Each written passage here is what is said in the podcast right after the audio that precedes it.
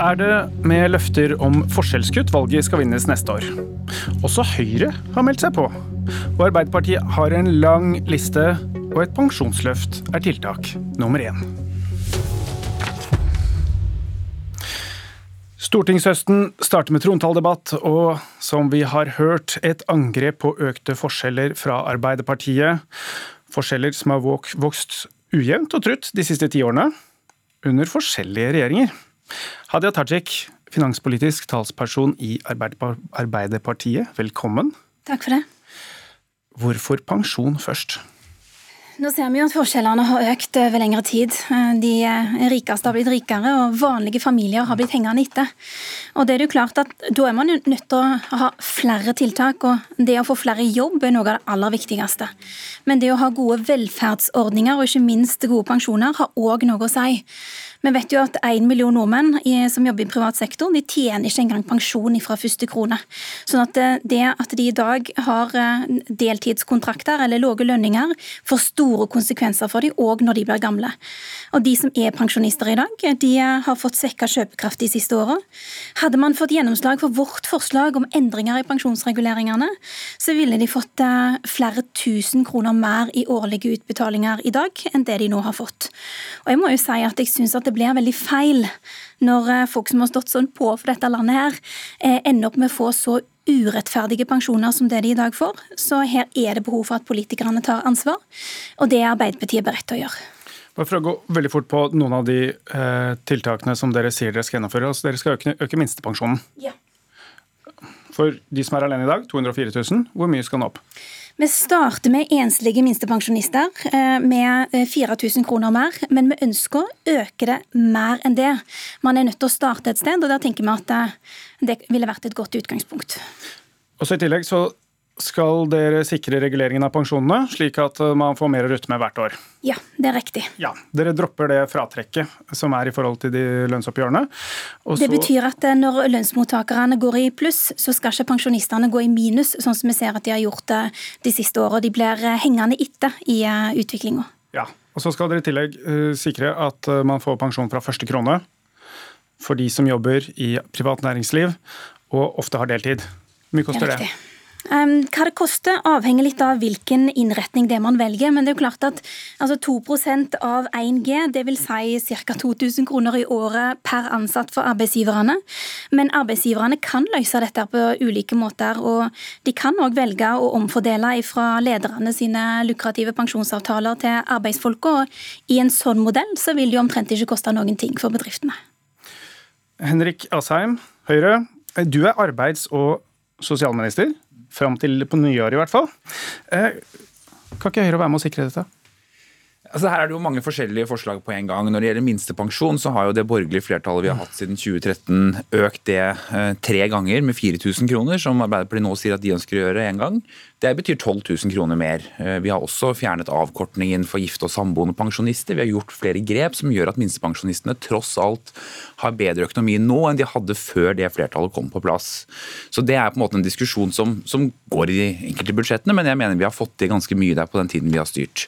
Så til dette med avkortningen og hvordan man gjør det. For Det syns jeg er en interessant diskusjon, for så vidt. Fordi det handler også om hvilken metode vi skal bruke i Norge når vi gjør endringer i pensjonssystemet vårt. Ja, Da snakker vi altså om at pensjonistene noen ganger når det er lave lønnsoppgjør, får mindre kjøpekraft? Ja, rett og slett at vi sier at vi tar et fratrekk på da summen av lønnsoppgjøret minus kjøpekraft, og så tar vi et fratrekk på pensjonistene.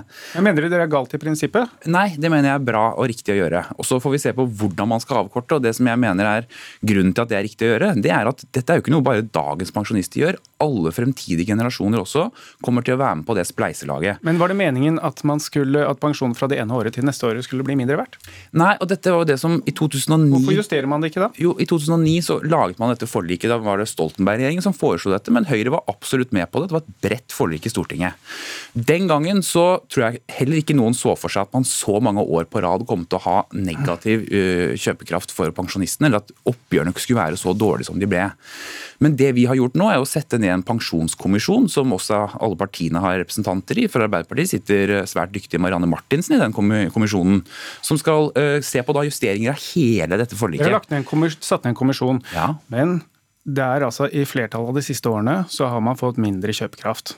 Ja, fordi... Trenger man en kommisjon for å finne ut at det ikke var meningen? Men Grunnen til det er at oppgjørene for lønnsmottakerne også har vært veldig svake. Fordi vi har hatt et oljeprisfall og nå altså en koronapandemi.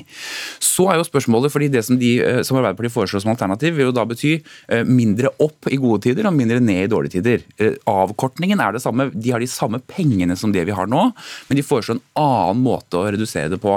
Og jeg sier bare at Den typen justeringer må gjøres med forlikspartnerne i et pensjonsoppgjør og med partene. og Det er derfor vi bør vente på kommisjonen. Og Dere har brukt sju år på å ikke gjøre noen ting, og så har dere nå kommet til det punkt der dere nedsetter en kommisjon og vil bruke enda flere år på å vente og ikke gjøre noen ting.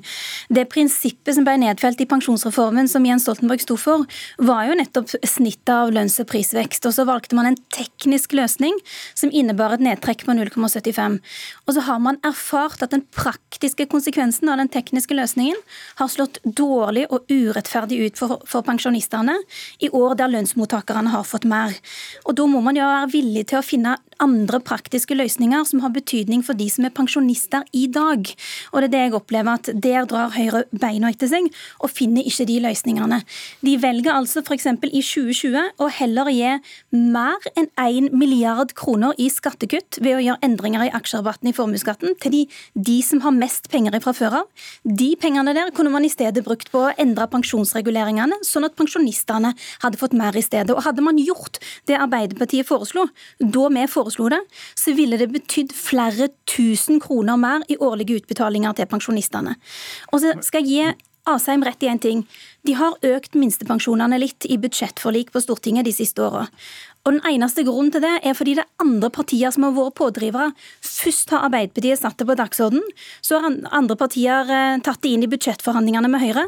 Men minstepensjonene har aldri blitt økt etter initiativ fra Høyre sjøl. Nå skjønner jeg at eh, Asheim sitter og klør etter å gå litt på dette, men vi skal likevel gå litt videre i det som er forskjellsdebatten. For kanskje du nevner innledningsvis at noe av det viktigste, Tajik, det er arbeid. Og når dere da starter med pensjonstiltak, hvor mange arbeidsplasser skaper dere med det tiltaket? Det er ikke sånn at vi heller vil ha pensjonstiltak enn å få folk i jobb. Det er prioritering. Det er ikke sånn at vi heller vil ha pensjonstiltak enn å få folk i jobb. Men vi vil ha rettferdige pensjoner òg for de som er pensjonister i dag. Og så vil vi òg sørge for, at de som er arbeidsfolk, de én million nordmenn nå, som har ulike jobber i privat sektor, eh, som kanskje har deltidsstillinger eller lave lønninger, at de òg skal få rettferdige pensjoner i framtida. Det er grunnen til at vi f.eks. har foreslått eh, at man skal kunne opptjene pensjon fra første krone, noe som Høyre har avvist gang på gang. Og det er noe som vil ha ganske stor, altså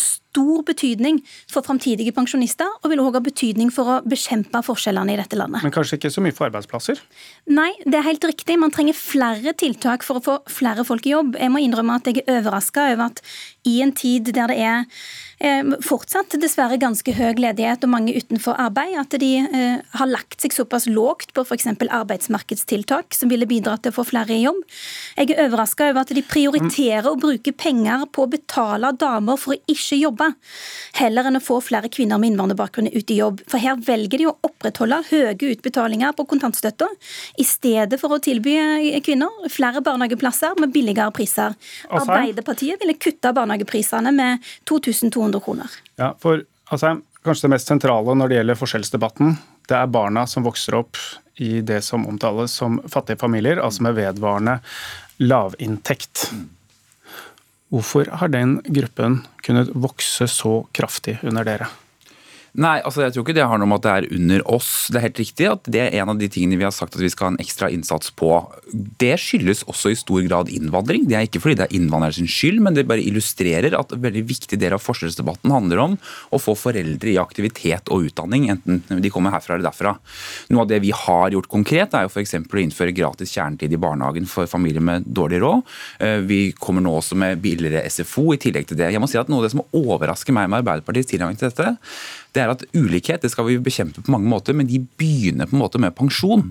Eh, og så sier de i tillegg til det at et flammende innlegg mot kontantstøtten, det er altså ja, noen tusenlapper de første to årene et barn lever. Det er liksom den store argumentasjonen. Dere har økt kontantstøtten mot, ja. med nesten 7500 kroner. Du kan ikke snakke om det som det er småpenger, for det er det jo virkelig ikke. Hvis, hvis, Tajik, hvis, Arbeiderpartiet mener at det er deres tiltak mot ulikhet i Norge, det er å det fjerne en velferdsordning, Men det er et bidrag for å få kvinner altså. med innvandrerbakgrunn inn i arbeid. Men jeg lurer på om jeg kan dag, få fullføre resonnementet mitt? Eh, ikke hvis du har tenkt å si feilaktige, feilaktige ting om Arbeiderpartiet, da må jeg få lov til å korrigere deg. Det var du som brukte tiden din på kontantstøtten. og la meg bare si hva som er vår tilnærming til dette. Det er ikke å fjerne kontantstøtten.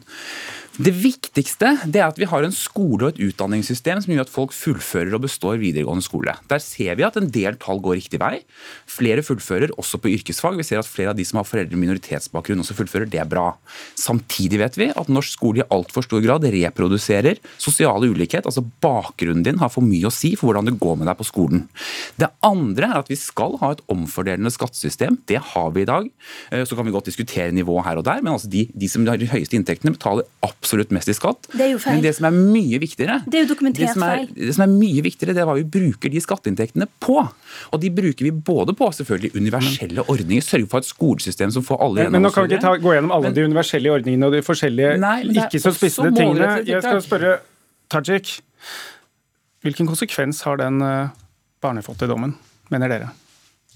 Det, en av konsekvensene er at fattigdom reproduserer seg. Eh, det at eh, man har foreldre som eh, kanskje ikke er i arbeid, og som strever, ikke har en selvstendig inntekt, ser man at kan få konsekvenser for generasjoner framover hvis, hvis, man ikke tar ordentlig tak i det. Hvis de konsekvensene er så store, hva er da de kraftige grepene dere kommer til å gjøre for å løfte dem opp? Vil dere løfte opp inntektene slik at de ikke lenger er under fattigdomsgrensa? Vi vil i hvert fall sørge for at flere får trygge jobber å gå til. Det betyr flere faste stillinger, flere hele stillinger. Det har betydning for inntekten til husholdningen som helhet. Vi vil bidra til at det er flere toinntektsfamilier i dette landet, og at man ikke fortsetter sånn i noen familier der man ser at det bare er én inntekt, og der kvinnen blir gående hjemme. Som jeg ser at Henrik Asheim nå bagatelliserer fordi han ikke ser verdien av å bidra til at flere kvinner med innvandrerbakgrunn kommer ut i jobb. Men Betyr det at fordi at det som er kjennetegner de som er i denne gruppen, er jo at det er liten eller ingen tilknytning til, til arbeidslivet. Vil det si at de som ikke kommer inn i arbeid, skal fortsette å være fattige? Nei. Da må dere løfte, løfte stønadsordningene opp til det nivået man kommer over grensa? da? Det som er den store forskjellen på Arbeiderpartiet og Høyre når det gjelder velferdspolitikken på dette området, her, det er at Høyre har gjennomgående valgt behovsprøvde eh, løsninger, mens Arbeiderpartiet ønsker universelle velferdsordninger. Det som er Problemet med de behovsprøvde ordningene, det er at de lager fattigdomsfeller, som kan bidra til å holde foreldrene utenfor arbeid, fordi da lønner det seg ikke nødvendigvis å jobbe.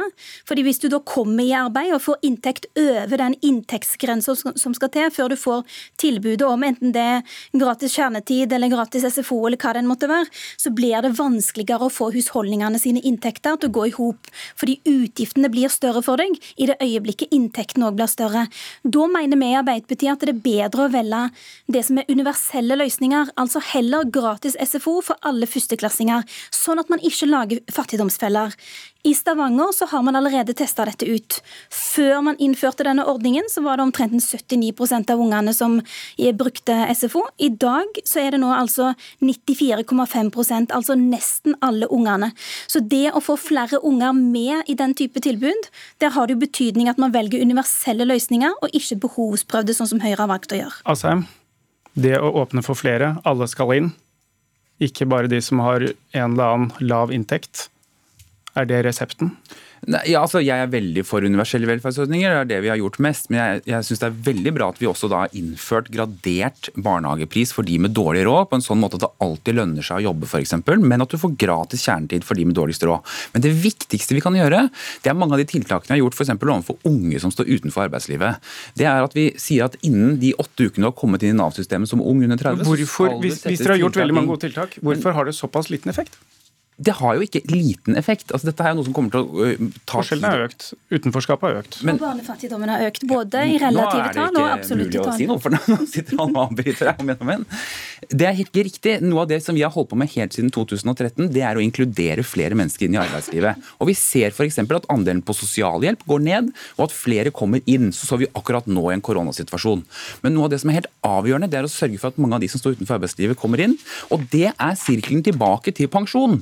Fordi hele Poenget er at du kan godt sitte og snakke om minstepensjonister nå, men noe av det viktigste er å sørge for at mange har inntekt og arbeid, som gjør igjen at de faktisk da kan fullføre og få pensjonen sin. Og der er alle enige om at alle vil det samme, med ganske forskjellige virkemidler. Trontaledebatten starter nå igjen snart. Dette var Politisk kvarter. Mitt navn er Trond Lydersen.